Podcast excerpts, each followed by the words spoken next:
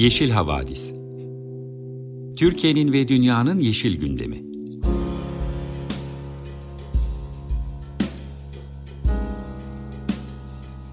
Hazırlayan ve sunanlar Demet Yaman Er, Savaş Çömlek, Dilan Altın Makas, Sare Abit ve Tansu Yeşilkır.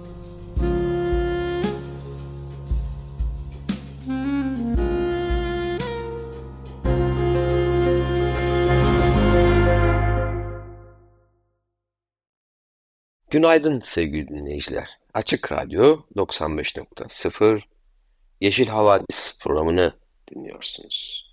Bildiğiniz gibi Yeşil Havadis programında Yeşil Gazete'nin gözünden haftanın ekoloji ve iklim gündemini değerlendirip sizler için bir söyleşi hazırlıyoruz.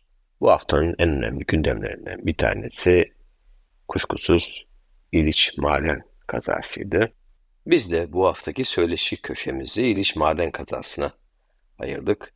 Yeşil Gazete yazarı konuyu yakından takip eden Özgür Özdemir'le enine boyuna İliç Maden kazasını konuştuk. Bizim için diğer önemli bir gündem ise Kedi Eros'un öldürülmesiydi. Biz de bu konuyla ilgili bir hayvan hakları bülteni hazırladık sevgili arkadaşımız Dilan Altınmakas sizler için sunacak bu bülteni. Hayvan hakları konusunu tabii ki bu programda bırakmayacağız. Devamında bu konuyla ilgili anayasa hukuku alanında çalışan hayvan hakları ile ilgili akademik çalışmalar olan sevgili arkadaşımız Serkan Köybaşı ile söyleşi yaptık. Ancak yaptığımız söyleşi bir programın sınırlarını çok aştı. Neredeyse bir saate yakın konuştuk. Dolayısıyla bu hafta onun söyleşisini yayınlayamıyoruz. Gelecek haftadan itibaren iki parça halinde Serkan Köybaşı ile hayvan haklarını enine boyuna değerlendirdiğimiz bir söyleşimiz olacak. Daha çok akademik bir bakış açısıyla hayvanların bir mal olarak kabul edilmesi hukuk karşısında tabii ki hukuki kişi olarak tanımlanmayışına ilişkin sorunları konuşacağız hayvan hakları ve hukuk alanında makaleleri olan akademisyen Serkan Köybaşı'nın konuyla ilgili görüşlerini dinlemek, duymak isteyenleri gelecek hafta programımızı dinlemeye davet ediyoruz. Bu haftaki hayvan hakları bültenine geçmeden önce bir müzik arası vereceğiz. Oliver Nelson'dan Stolen Moments. Günaydın sevgili Yeşil Havadis dinleyicileri. Hepinize çok güzel bir pazar sabahı diliyorum. Ben Dilan Altın Makas. Nasılsınız? Umarım ki iyisinizdir. Üst üste kötü haberle sarsılan ülke gündemimizde insanın iyi oluş halini ayakta tutması çok kolay olmuyor, farkındayım. Bu sebeple bunaldığımızda biraz ara vermek, belki sosyal medyaya bakmamak veya olabildiğince kendimize vakit ayırmak iyi gelecektir diye tahmin ediyorum. Evet, aktivist bir noktadan baktığımızda dayanışma içinde olabilmek, iyi bir şeyler için uğraşabilmek veya kötü şeylere ses çıkarabilmek için gündemi takip etmek şart. Ancak mental sağlığımız iyi olmadığı sürece dayanışmanın partisi olacak gücü de kaybedebiliriz. Bunu hatırlamakta yarar var diye düşünüyorum. Bu bölümü başta Eros kedi olmak üzere tüm hayvanlar için kaydediyorum hiçbir şey yapmasak bile onların sesi olabiliriz. Benim bu konuda konuşmam ne işe yarar? Benim bu konuda bir şeyler paylaşmam ne işe yarar? Demeyelim lütfen. Bir insanın konuşması birçok şeyi başlatabilir veya bitirebilir. Başka birinin konuşması için cesaret verebilir. Kendimize çok da yüklenmeden neler yapabilirim diye sormak yeterli. Evet ben de bu hafta neler yapabilirim diye kendime sorduğum bir anda bu bülteni kaydetmeye karar verdim. Hazırsanız Yeşil Gazete'yi kaynak alarak derlediğim hayvan hakları odaklı haberlerle başlıyorum. İlk olarak biraz önce de bahsettiğim gibi Eros kediyi vahşice öldürmesine rağmen mahkemede kendisine iyi hal indirimi uygulanan İbrahim Keloğlan'dan bahsetmek istiyorum. Kamera görüntülerinden de görüldüğü üzere İbrahim Keloğlan Eros'a önce asansörde şiddet uyguluyor.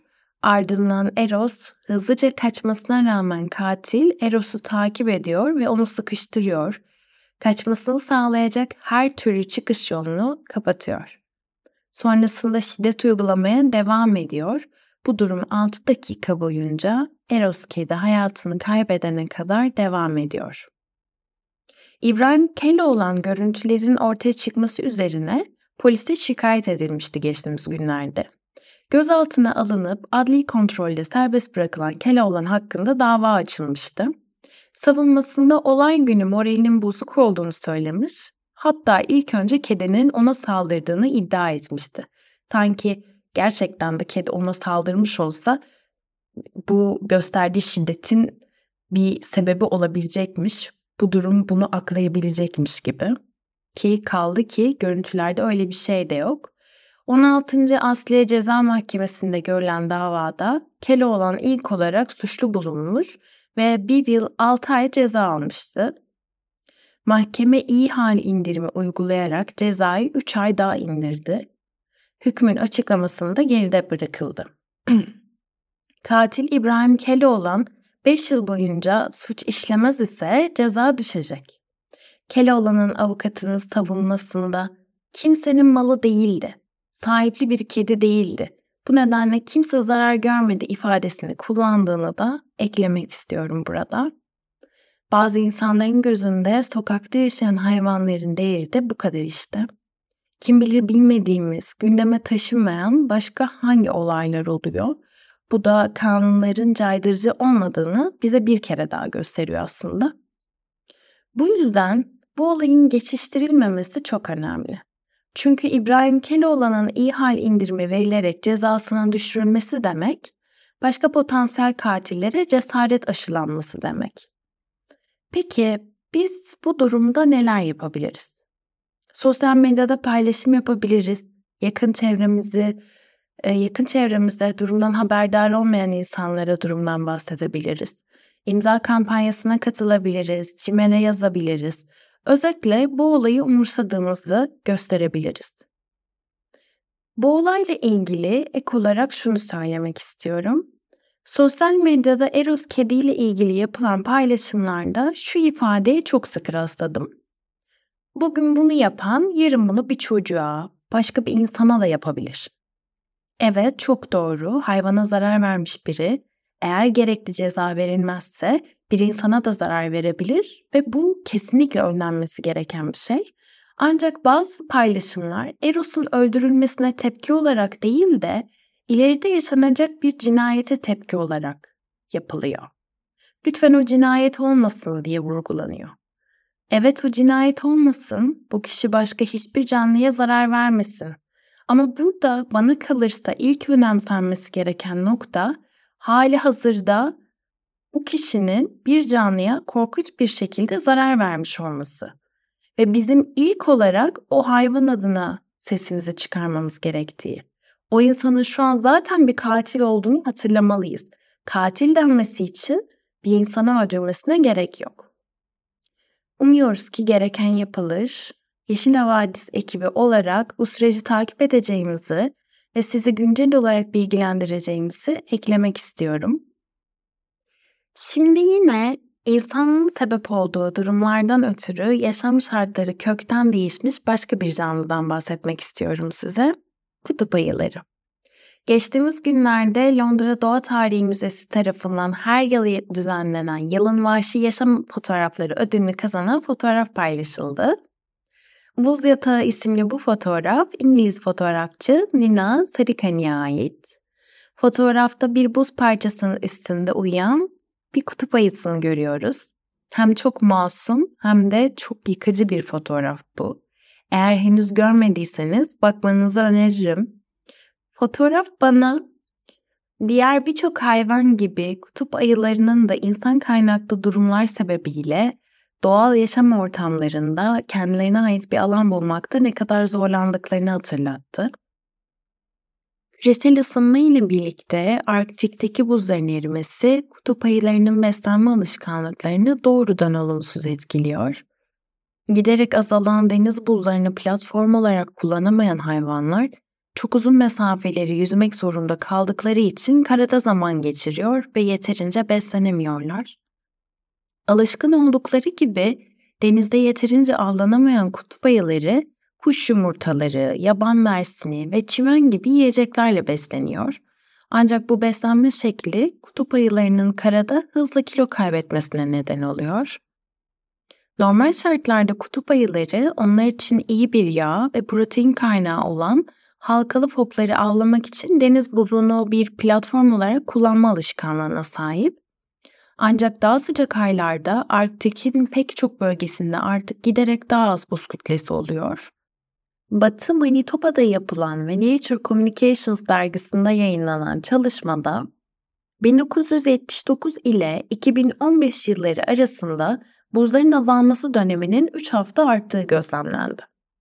Araştırmacılar buz kayboldukça hayvanların nasıl hayatta kaldığını anlamak için yaz aylarında 3 yıllık bir dönem boyunca 20 kutup ayısını 20 kutup ayısının aktivitesini takip etti. Hayvanların hareketlerini, aktivitelerini ve ne yediklerini kaydetmek için bilim insanları GPS donanımlı video kameraya ta- yaka takılarını kullandı. Buzsuz yaz aylarında ayılar hayatta kalmak için farklı stratejiler benimsedi ancak çalışmadaki 20 ayının 19'u bazı durumlarda %11'e varan oranlarda ortalama olarak günde 1 kilogram vücut kütlesini kaybetti. Kutup ayılarının avlanma dönemi olan ilkbahar sonu yaz başında iklim değişikliği nedeniyle deniz buzullarının çoğunlukla eridiğini vurgulayan araştırmacılar bu türün uzun saatler yüzdükten sonra buldukları avı yiyemeyecek kadar yorgun düştüğünü ortaya koydu. Bülteni sonlandırmadan İstanbul'da ikamet eden dinleyicilerimiz için bir duyuruda bulunmak istiyorum. Yaşam için Yasa İnisiyatifi yerel seçimler öncesi yeniden hedef haline getirilen sokaktaki hayvanlar için bütün İstanbulluları bugün saat 14.00'da Beykoz'da bir araya gelmeye davet etti. İstanbul'un farklı ilçelerinde düzenledikleri eylemlere bu hafta sonunda devam edeceklerini açıklayan inisiyatif, canavarlaştırılan, resmi seçim propagandası haline getirilen ve yaşam hakları yok sayılan sokaktaki hayvanlar için 18 Şubat Pazar günü yani bugün saat 2'de İstanbul Kavacık Boğaziçi Sineması önünde yapacakları eyleme bütün İstanbulluları davet etti. Yapılan çağrıda yaşam hakkı gibi en temel hakkın korunmadığı, katillerin yatarı olmayan göstermelik hapis cezalarıyla aramıza salı verildiği bu süre gelen adaletsizliği sessiz kalmıyoruz. Bir asansörde tekmelenerek öldürülen Eros için, yakılarak öldürülen Şila için, Konya Belediyesi bakım evinde kürekle kafasına vurularak öldürülen, barınaklarda işkenceyle canı hiçe sayılan, dağ başlarına atılarak ölüme terk edilen tüm canlar için bir aradayız denildi. Yürürlükteki 5199 sayılı Hayvanları Koruma Kanunu'nun 6. maddesini ihlal ederek yasa dışı söylemler geliştiren, sokakta yaşayan hayvanların kitleler halinde toplatılıp öldürülmesini, veya ömür boyu hapsedilmesini seçim vaadi olarak sunan siyasilere hep birlikte sesleneceklerini belirten aktivistler şunları ifade etti. Artık nefret kültürüyle beslenen ve insanı hayvana düşmanlaştıran rant peşindeki siyasilere oy vermeyeceğimizi haykıracak, barış odaklı ve hak temelli çözümler üreterek bütüncül toplumsal adalet için çabalayan, doğaya ve yaşam hakkına duyarlı adaylar görmek istediğimizi yüksek sesle dile getireceğiz. Siz de katılmak ve bu dayanışmanın parçası olmak isterseniz diye bir bilgilendirme olsun bu da. Evet, bu bültenimizin sonuna geldik. Doğanın ve hayvanların yaşam hakkını savunmaya devam edeceğiz.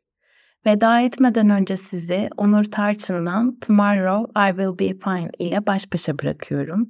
Güzel günlerde görüşmek dileğiyle. Güle güle. Günaydın sevgili dinleyiciler. Açık Radyo 95.0 Yeşil Havadis programını dinliyorsunuz. Ülkemizde acil gündemler bir türlü ara vermiyor. Biz siyanürlü altın madenciliğinin ne tür felaketler olduğunu, olacağını gayet iyi biliyoruz. Yaşayarak öğrendik. Bu konuyla ilgili toplumsal muhalefetin de deneyimi var, bilgisi de var. e, toplumsal hafızamızda bu mücadelenin örnekleri de var. Kamuoyunun bütün tepkilerine rağmen ne yazık ki e, son yıllarda madencilik, özellikle altın madenciliği, siyanürle altın madenciliği toplumun önemli bir kesiminin muhalefetine rağmen acımasız bir şekilde sürdürülüyor. Bunlardan bir tanesini de İlç'te yakın zamanda yaşadık. Sadece insanların ölümüne, çalışanların, oradaki işçilerin ölümüne neden olmadı bu felaket. Aynı zamanda çok ciddi bir doğal felaket de neden oldu. Ee, çok uzun yıllar sürecek bir felaketin kapısı açılmış oldu. Ee, peki herkesin aklına şu soru geliyor. Bu felaket önlenebilir miydi? Bu kadar iyi bildiğimiz bir konuda niçin önceden gerekenler yapılmadı? Ee, sevgili dinleyiciler bugün Özgür arkadaşımız birlikteyiz. Kendisi Yeşil Gazete yazarı. İliç olayını yakından takip ediyor. Hem hukuki açıdan hem çevresel açıdan e, konuyu uzun zamandır izliyor. Yeşil Gazete'de de bu konuyla ilgili yayınları var. Kendisini bugün programımıza davet ettik. Özgür hoş geldin. Ee, hoş bulduk. Davetiniz için teşekkür ederim. Ee, normalde hukuk konuşmak isterken hep böyle doktrin tartışmaları ve hukukun gelişmesi için bir şeyleri söylemek isterdim. Ama maalesef Türkiye'de biz bunları konuşmaktan çok yaşanılan felaketlerin ardından bunlar yaşanmayabilir miydi? Ya da bu felaketin ardından neler yapılması gerektiğini konuşuyoruz. Bu yüzden biraz hüzünlüyüm. Ee, kusura bakmayın hani bu sesimde bazen e, dalgalanmalara sebep olabilir. Çünkü bu konuları konuşurken maalesef ki bazı şeyleri yutkunarak anlatmamız gerekiyor. E, haklısın Özgür. Biz de aynı üzünü, üzüntüyü derin bir şekilde yaşıyoruz. Toplumun önemli bir bölümü de yaşıyor. Hem sosyal medyada hem ana akımda bu konuyla ilgili tepkiler e, her gün biraz daha büyüyor. E, ama iktidar bu konuda herhangi bir e, sağlıklı girişimde bulunma kapasitesine sahip mi değil mi bilmiyoruz. Ama biz senden şunu öğrenelim. Böylesi tehlikeli bir madencilik türünde, siyanürle altın madenciliğinde. Önceden ne yapılıyor? Nasıl tedbirler alınması lazım? Hangi hukuki süreçlerin izlenmesi lazım ki bu felaket olmasın? Dinleyicilerimiz bu konuda bir miktar bilgilendirerek başlayalım. E, tabii hemen şöyle bir istatistiklerle başlayalım. Dünyanın e, genelinde %85'inde altın madenciliğinde siyanür kullanımı yaygın. Şimdi yaygın olmasına rağmen bunun bilimsel şartları ve hukuki gereksinimleri çok üst düzeyde tutuluyor. Çünkü çok tehlikeli bir e, madencilik şekli ve bunun sadece siyanürle e, kalmayıp arsenik, civa, kadmiyum gibi diğer ağır metallerin de kullanılması gerekiyor bu tarz bir madencilik faaliyeti yürütüldüğünde. Bunun dünyanın farklı yerlerinde yasaklanan e, kısımları da var. Örneğin Amerika'da Wisconsin ve Montana eyaletleri, e, Arjantin'in bazı eyaletlerinde bazı kısımlarında e, Çekya'da ve Macaristan'da siyanürle altın aramaya ilişkin çeşitli yasaklar mevcut. Bu yasaklar farklı kazaların yaşanmasının ardından alınan kararlar olarak da e, bazı yerlerde de e, bu kazaların yaşanmaması için alınan e, önlemler olarak karşımıza çıkıyor. E, Türkiye'de madenciliğe bakarsak böyle bir yasakla karşılaşmıyoruz şu anda. E, ve madenlerin açılması ile ilgili de şöyle bir süreç yürütülüyor. İlk önce bir madenin e, tespiti gerçekleşiyor. Bir madenin varlığı tespiti örnek veriyorum. E, Kastamonu Kül, Küre ilçesinde bakır madeninin tespit edilmesi. Maden tespit edildikten sonra bunun bir ekonomik olarak e, madenciliğe uygun olup olmadığı hesaplanıyor. Bunu maden şirketleri tarafından gerçekleştiriliyor, gerçekleştiriliyor. Uygun bir yatırım aracı olup olmadığı hesaplanıyor. Bu aşamadan sonra hukuki süreçler başlıyor. Çevresel etki değerlendirme süreci ve kamuoyunun bildiği e, kısaltmasıyla chat süreç, süreç, e, süreçleri başlıyor. Chat süreçlerinin başlamasının akabinde bölge halkının katılımıyla gerçekleştirilen e, bilgilendirme toplantıları yapılması gerekiyor. Elzem olan noktalardan bir tanesi. Bölge halkının katılımının sağlanabileceği şekilde ve detaylı bir bilgilendirme sürecinin gerçekleştirilmesi gerekiyor. Burada ÇED sürecinin olmazsa olmaz 3 e, üç sac ayağından ikisi burada karşımıza çıkıyor. Halkın katılabileceği şekilde bir toplantının gerçekleştirilmesi yani bu şu anlama geliyor. Kastamonu Küre'de yapılacak bir maden için e, Erzincan'da bir toplantının gerçekleştirilmemesi gerekiyor ya da İstanbul'da bir toplantının gerçekleştirilmemesi gerekiyor. Biz uygulamada bunu bizzat alanın en yakın köyünde gerçekleştiriliyor ya da alana yakın en yakın ilçede gerçekleştirildiğini görüyoruz. Bu halkın katılımının gerçekleştirilebilmesi için, sağlanabilmesi için. E, bilgilendirmenin çok detaylı ve şeffaf bir şekilde yapılması gerekiyor. E, yuvarlak konuşmaların ya da e, bilimsel açıklamaların halkın anlamayacağı şekilde yapılmaması gerekiyor. E, bunun akabinde e, uzmanlar tarafından hem hukukçuların hem de bilim insanlarının yer aldığı kurullar tarafından e, chat raporları hazırlanıyor ve hem e, şirket tarafı bu raporları hazırlayabiliyor hem de buna karşı olan kişilerin e, başvurularının akabinde hem de yetkililerin, hükümet yetkililerinin e, istemi üzerine de bu raporlar hazırlanabiliyor. Bu raporların hazırlandıktan sonra e, ilan edilmesi var. Yani bunu halkın görebilmesi için, uzmanların görebilmesi için e, bu raporlar ilan ediliyor ve itiraz için yeterli sürenin e, oluşturulması gerekiyor. Burada chat sürecinin önemli diğer iki aşamasında burada görüyoruz. Raporun, hazırlanan raporların ilan edilmesi, yani raporların kapalı kapılar ardında sunulmaması, herkesin e, inceleyebilecek formatında olması. Diğeri ise e, rapora karşı çıkmak isteyenler için ideal bir itiraz süresi ve itiraz yolunda açık olması. Bu şu açıdan önemli. E, bölgede yaşayan insanlar e, o raporu ulaşabilecek, inceleyebilecek ve itiraz edebilmesi için makul bir sürenin tanınması lazım.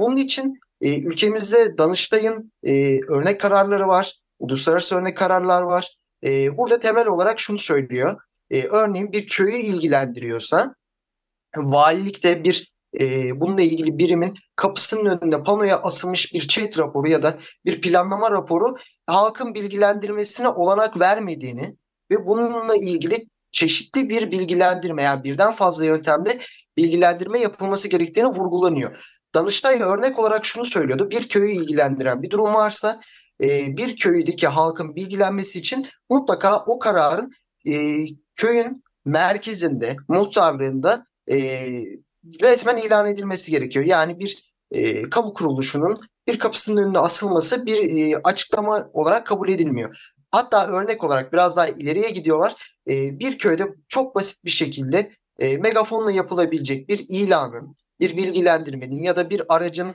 e, üzerine yapıştırılarak yapılabilecek bir bilgilendirmenin bir kamu kuruluşunun kapısına asılmasından daha fazla e, olanak sağlayacağını yönelik de açıklamalar oluyor. Şimdi bu e, itirazların akabinde hukuki süreçler başlıyor e, ve bu hukuki süreçlerin ardından idare mahkemeleri chat raporunun ne kadar detaylı olup olmadığına ilişkin hem değerlendirme yapıyor hem bu değerlendirmenin akabinde e, bölge insanının sağlıklı bir çevrede yaşama hakkının ihlal edilip edilmeyeceğine dair bir değerlendirme yapıyor. Tabii bu sürecin e, bir paralelinde bizim hükümetimizin çok yaygın olarak kullandığı bir e, paralel bir süreç daha var. E, chat raporu gerekli değildir. Burada hükümet yetkilileri bazı noktalarda e, bu ilk ekonomik değerlendirmeler yapıldıktan sonra maden şirket tarafından e, şirket bir başvuru yapabiliyor. Chat raporu değildir kararı alabiliyor ve bu kararı hükümet yetkilileri veriyor. Şimdi bizim burada e, halk olarak yapılabilecek iki adımdan bir tanesi bu karara itiraz etmemiz. Chat gerekli değildir itiraz edebiliriz. E, diğer taraftan chat süreci vardır. Chat süreci içerisindeki itirazları kullanabiliriz. Bu hukuki yollar kullanıldıktan sonra e, hukuki olarak da bir maden açılmasında bir tehlike görülmezse, bir e, hukuka aykırılık tespit edilmezse yetkililerin onayı gerekiyor. Yetkililer e, hukuki sürecin yanı sıra idari anlamda da e, bir süreç yürütülüyor ve maden açılmasının e, bölge halkına olan etkisi, uzun süreli etkileri, rehabilite süreçlerinin yapılıp yapılmayacağı geniş bir değerlendirme yapıyor ve e, yetkililer de bir onay sürecinden gerçekleştirdikten sonra maden açılma ruhsatı veriliyor ve maden açılma ruhsatı verildikten sonra şirket bölgede e, maden faaliyetlerine başlıyor. Ama maden çıkarma faaliyetinden önce e, bir denetim gerçekleştiriliyor yetkililer bakımından.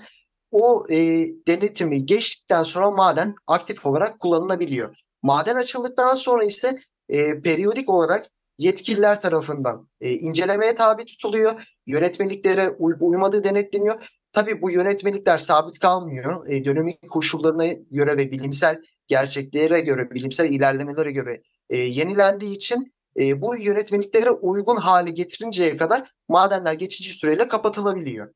Ve e, bir hukuka aykırılık tespit edildiği denetim sırasında keza aynı şekilde para cezası, e, maden kapatması geçici veya kalıcı olarak ve bununla ilgili şirket sorumlularına yönelik, yönelik ceza, cezai soruşturmalar yapılabiliyor. Peki burada e, bu süreçler tamamıyla yapılırken bölge halkı e, sürecin her aşamasında e, çevresel bilgi edinme hakkını kullanarak bilgi edinme başvuruları yapabiliyor ve bunun akabinde e, bölgedeki kontrollerin gerçekleşmesi, bu denetim süreçlerindeki yaşananlar e, çok net bir şekilde açıklanması gerekiyor ve şeffaflık ilkesi nazarında bunlar açıklanacak ve e, açıklanınca bölge halkı, hukukçular ve bilim insanları tarafından incelenip çeşitli mahkeme süreçleri yapılabiliyor. Ve burada şirketin e, o madeni açmadan önce, açtıktan sonra gereken öne, e, önemi gösterdi mi, gerekli önemleri alıp almadığı denetlenebiliyor ve aynı zamanda e, yetkililerin bu denetimi gerçekleştirenlerin de gerekli özeni gösterip gösterilmediği de denetlenmiş oluyor. Şimdi Peki. olması gereken süreç bu. Peki Özgür, olması gereken süreci gayet güzel tanımladın, tarif ettin. E, istersen hemen e, İliç'te yaşananlara dönelim. İliç'teki bu maden şirketi ÇED raporu almış mı? ÇED raporuna ilişkin e, kamuoyu bilgilendirilmiş mi? Yöre halkı bilgilendirilmiş mi? E, kontrol denetleme süreçleri yapılmış mı? E, bir de onları bahsedersen ot bitenleri e, dinleyicilerimiz daha iyi anlayacak. Tabii e, 2010 yılında e, Erzincan İliç'teki maden faaliyete geçiyor. Onun öncesinde bir chat süreci var. E, sürecine itirazlar da yapılmış ama itirazlar e, sonuç vermemiş ve e, şirket lehine sonuçlanmış hukuki süreçlerde. İzinleri almışlar e, ama e, maden işletildikten sonra, işletilmeye başladıktan sonra çevreye yönelik etkileri çok daha somut hale gelmiş ve belirginleşmiş bölge insanlarını gözle görebileceği veya çok basit bir şekilde uzman olmayan insanların bile madenin bölgeye olumsuz etkisini tespit edebilecek düzeyde bölgede kirlilik mevcut. E, Sedat Cezayirlioğlu başta olmak üzere hukuki süreçleri e, çokça başvuran bir bölgedeki yöre halkından bir insan, bir hukukçu veya bir bilim insanı değil kendisi, e, madenin yakında yaşayan e, bir Türkiye Cumhuriyeti vatandaşı. E, Birçok hukuki süreci yerine getirmiş ve buna ilişkin kamuoyuna da ses çıkaran bir insan. E, ve onun yaptığı çalışmalar aslında bizim iliş dosyasına baktığımızda bizim için bir rehber niteliği taşıyor. E, bölgenin e, madene faaliyette başladıktan sonraki olumsuz etkilerine dair tekrardan bir çet süreci istenebiliyor. Bölgeye etki değerlendirmesi tekrardan yapılabiliyor. Sedat Bey çeşitli e, yıllarda bu etki değerlendirme raporlarının alınması istenmiş. E, ve bu alınmasına rağmen, istenmesine rağmen e, ÇED süreçleri e, halk nazarında olumlu ilerlememiş. Yani gereken incelemelerin yapılmadığı çok net bir şekilde karşımıza çıkıyor ki bu 2010'lu yılların bitişi ve 2020'li e, yılların başlangıcında göz çarp e, geliyor. Bunun çeşitli numuneler alınmasıyla birlikte çevreye e, verdiği etkileri çok şeffaf bir şekilde denetlenmemiş. Keza bu e, süreç 2022 yılına kadar geliyor. 2022 yılında şöyle bir iddia e, meydana çıkıyor. Siyanür toprağa sızdı. Siyanür bölge e, yeraltı sularına karıştı gibi bir iddia süreci e, gerçekleşiyor ve e, bununla ilgili bir mahkeme süreci başlıyor. Mahkeme süreci başlarken Türkiye Barolar Birliği bu sürece dahil oluyor ve e, bölgede keşif bilirkişi incelemeleri yapılırken e, Türkiye Barolar Birliği'nin Çevre Kent Komisyonu da bir ekip yolluyor. O da bilirkişi ve keşif heyetiyle birlikte bölgede incelemelerde bulunuyorlar ve e, çok net bir şekilde Türkiye Barolar Birliği şu, şu raporu yayınlıyor, şunu söylüyor. İliç'te idare mahkemesinin oluşturduğu keşif ve bilirkişi e, heyeti inceleme yaparken usulde ve esası etkileyecek şekilde eksik ve yanlış değerlendirmeler yapılmıştır.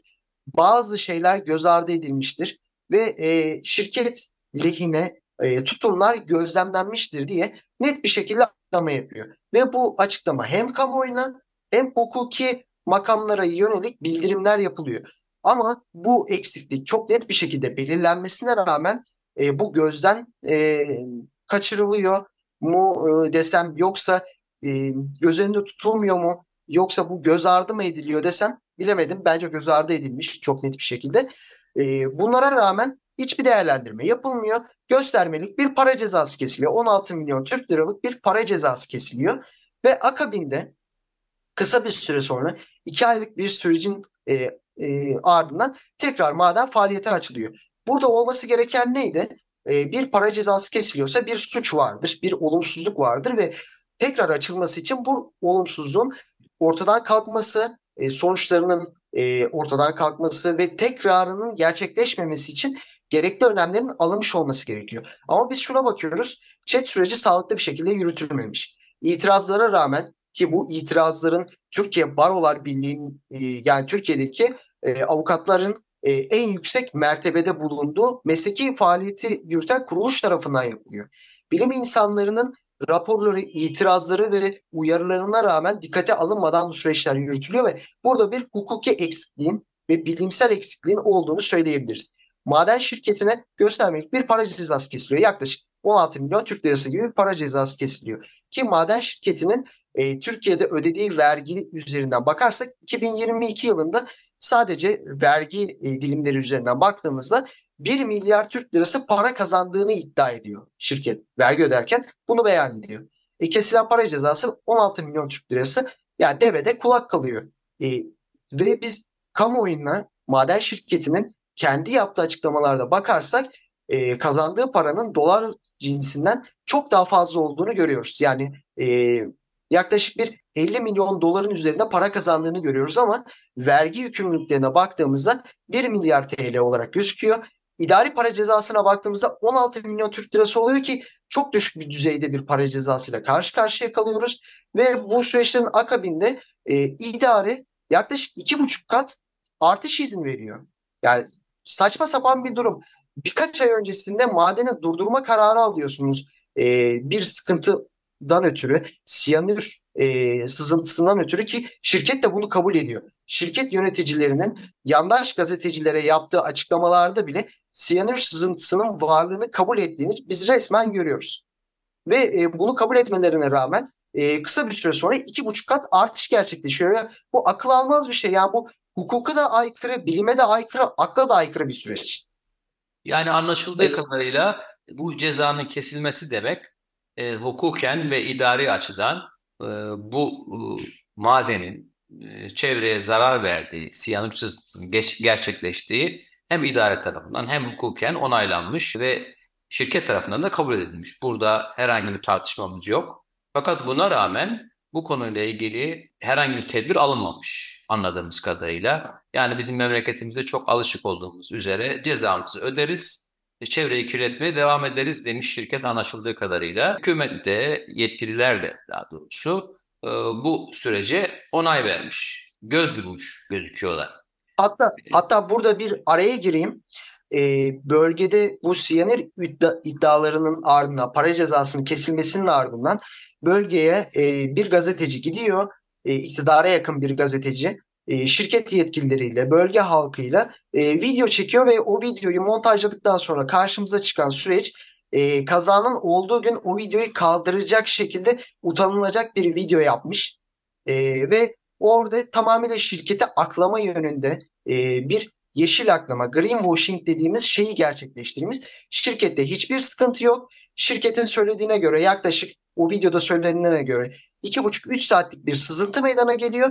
Ama o sızıntı her ne hikmetse toprağa karışmıyor ve minimal düzeyde yani bir e, buçuk pet e, şişesini ya da 5 litrelik bir pet şişesini sığabilecek şekilde bir sızıntının olduğu iddia ediliyor. Yani diğer e, iddialara aykırı bir şekilde ve hiçbir şekilde yer verilmemiş. Keza buna ek olarak benim daha da utandığım bir nokta, çok daha yerin dibine girdiğim bir nokta da şu. Türkiye'nin resmi e, devlet kurumu olan TRT e, maden şirketini aklayıcı şekilde e, 2022 yılının yaz aylarında 2,5-3 dakikalık maden şirketini öven ve siyanür sızıntısının olmadığını iddia eden bir e, video yayınlıyor. Ya devletin kanalı bunu yapıyor. Ya bunlara rağmen devletin kanalı bunu yapıyor. Yani hükümetin tutumunu buradan da anlayabiliriz. Yani devletin resmi kuruluşu e, hiçbir iddiayı e, düşünmezken ardını araştırmadan şirket lehine siyanür sızıntısı olmadığını iddia ederek video yayınlıyor. Yani çok saçma sapan bir nokta ve bununla ilgili bir hukuki süreçle başlatıldı. TRT yönetiminin, TRT Genel Müdürü'nün e, ve genel yayın yönetmeninin e, burada yanlı bir e, yayıncılık yaptığı ve e, burada çeşitli e, göreve aykırılıkların olduğuna ilişkin e, Sedat Cezayirlioğlu e, yanlış hatırlamıyorsam e, İsmail Hakkı Atal'da avukatı birlikte e, TRT görev yetkilileri, TRT'deki görevliler hakkında hem görevi kötüye kullanma hem de idari sorumluluklarına aykırı davrandığı gerçekleş e, gerekçesiyle çeşitli başvurularda da bulundu. Bunda not düşelim yani TRT de bu noktada hiç geri adım atmamış ve e, yaklaşık 2,5-3 dakikalık bir aklama yayını yapmış. 2022'den sonra tekrar maden açılmış ve anladığımız kadarıyla hatta madenin iki buçuk kat e, büyümesine idari makamlar izin vermişler. Ondan sonraki süreçten biraz bahsetme şansımız var mı Özgür? Buraya nasıl geldik? Tabii. Tabii e, ondan Ve sonraki şu süreçte neler oluyor? Neler oldu şu anda? Tabii ondan sonraki süreçte kontrolsüz bir büyüme gerçekleşiyor. Yani bir madenin e, bir seferde iki buçuk kattan fazla izne tabi olması ve e, şey izin verilmesi daha doğrusu e, o madenin neredeyse yeniden bir bu chat sürecinin yeniden bir yetkililerin onayından yeniden denetimlerden geçip e, maden faaliyeti başlaması gerekirken bir yandan maden işletilmeye devam edilmiş bir yandan da kontrolsüz bir büyüme gerçekleşmiş. Şimdi bizim e, bu izinden e, Şubat 2024'e gelinceye kadarki süreçte aslında bu kontrolsüz büyümenin etkilerini görüyoruz. E, bölge e, şöyle bölgeyi tanımlamamız gerekirse uydu açısından uydu perspektifiyle baktığımızda e, Fırat Nehri'ni besleyen kollardan Fırat Nehri'nin kollarına yaklaşık 500 ila e, 3000 metre uzaklıkta gerçekleşiyor. Madenin en yakın bölgesi 500 metre, en uzak bölgesi de yaklaşık 3280 metre kadar uzaklıkta. Madenin e, madene ait siyanür havuzu ise yaklaşık bir 800 ile e, 2600 metre uzaklıkları arasında kalıyor. Yani şu burada bir geliştirme yapılabilecek bir büyütme operasyonu doğrudan yeraltı suları vasıtasıyla ve doğrudan bölge e, derelerinin Fırat Nehri'ne kavuşmasıyla birlikte bölgede yapılabilecek en ufak hatanın Fırat Nehri'ne kavuşmama şey yok, ihtimali yok. Ya böyle bir engel yok. Ve bu kontrolsüz büyüme hem bölge halkını hem e, doğayı etkileyebilecek şekilde e, ilerliyor ve biz 2023 yılına ve 2024 yılının başına ait bir değerlendirme raporu göremiyoruz. Ya da yetkililerin biz e, bu izni verdik ama izin verdikten sonra şu sıklıkta kontrol yaptık ve bu kontrollerde bu faaliyetlerin işte bu önlemlerin alındığına dair e, ibareler içeren bir raporları göremiyoruz. Sadece bölge halkının itirazı ve bu itirazların akabinde e, bizim e, şahsen uydudan görebildiğimiz gelişmeleri e, görebiliyoruz ve e, katman katman o dağların oluşumu, ona ilişkin e, bir numune alınım, bir test yapılıp yapılmadığına dair bir bilgi de edinemiyoruz. Çünkü şirket e, bunları bizden saklıyor. Normalde şeffaf bir şekilde bunları açıklaması gerekirken ve süreçlerin e, olabildiğince kamuoyuna aktarılması gerekirken şirket bunu ticari sır e, kapsamında tutup bunun arkasına sığınıp e, bölgede istediği gibi at koşturmuş. Ve e, Şubat ayına geldiğimizde e, birkaç gün öncesinde o bölgede biz şunları duyduk gün içerisinde açıkçası bölgede yerel haber kaynaklarının aktardıklarına geçiyorum şu anda. Şubat ayının başlarında bölgede ciddi sıkıntıların başladığına dair yerel medyada, yerel halkta biz haberleri görmeye başladık. E, ve bölge madeninde çalışan bazı taşeron işçilerin e, madenden işçilerini çekmeye başladığını da duyduk. Özellikle olayın yaşandığı sabah e, bu linç sahasında toprakta yarılmalar olduğuna dair iddiaları e, biz yerel medyada gördük. Ve bu iddiaları destekleyici şekilde işçilerin bir kısmının bölgeyi terk ettiğini de gördük. Yani bazı işçiler bölgedeki o lit sahasındaki topraktaki yarılmaları görmesinin akabinde bölgeyi terk ediyor. Çünkü bir felaketin geleceğini çok net belli yani. Ya buraya bir toprak yayalım ondan sonra o toprakta yarılmayı gördüğümüz andan itibaren toprak zaten e, siyanürle birlikte siyanür e, ve diğer ağır metallerle birlikte yıkanıp altın arandığı için toprak çok yumuşak. Toprak çok yumuşak olan bir toprakta devasa bir dağ oluşturuyorsunuz.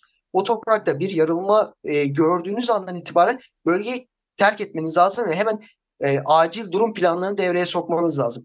Ama bu yapılmıyor. Maden şirketi e, o toprak kayması gerçekleşene kadar bölgedeki tüm işçileri tahliye etmiyor. Aksine madeni işletmeye devam ediyor. Ve e, öğleden sonra maalesef ki e, bölgede kayma meydana geliyor ve görüntülerde görüyoruz biz çok basit bir kayma değil.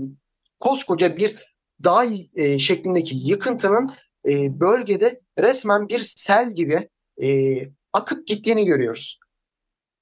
Çok net bir şekilde bir felaket ve e, bu felaketin öncesinde e, bölgede dinamitle patlatma yapıldığı iddiası da var ve bunun da bu kaymayı tetiklediğini, toprakta yarılmanın var olduğunu, bu yarılmanın e, harekete geçmesi ve devasa hızla, devasa bir ivmeyle e, her şey önüne katıp işçileri doğayı etkileyecek hale gelmesinin bir sebebi de bir onun bir başlangıç noktası da yani bir e, fizikte şey vardır. E, bazı şeylerin oluşacağı bellidir ama o hareketin başlaması için e, bir e, temas gereklidir, bir enerji gereklidir ve bunun dinamit patlatma sonucunda da harekete geçtiğinde görüyoruz. E, bu e, felaket yaşandı.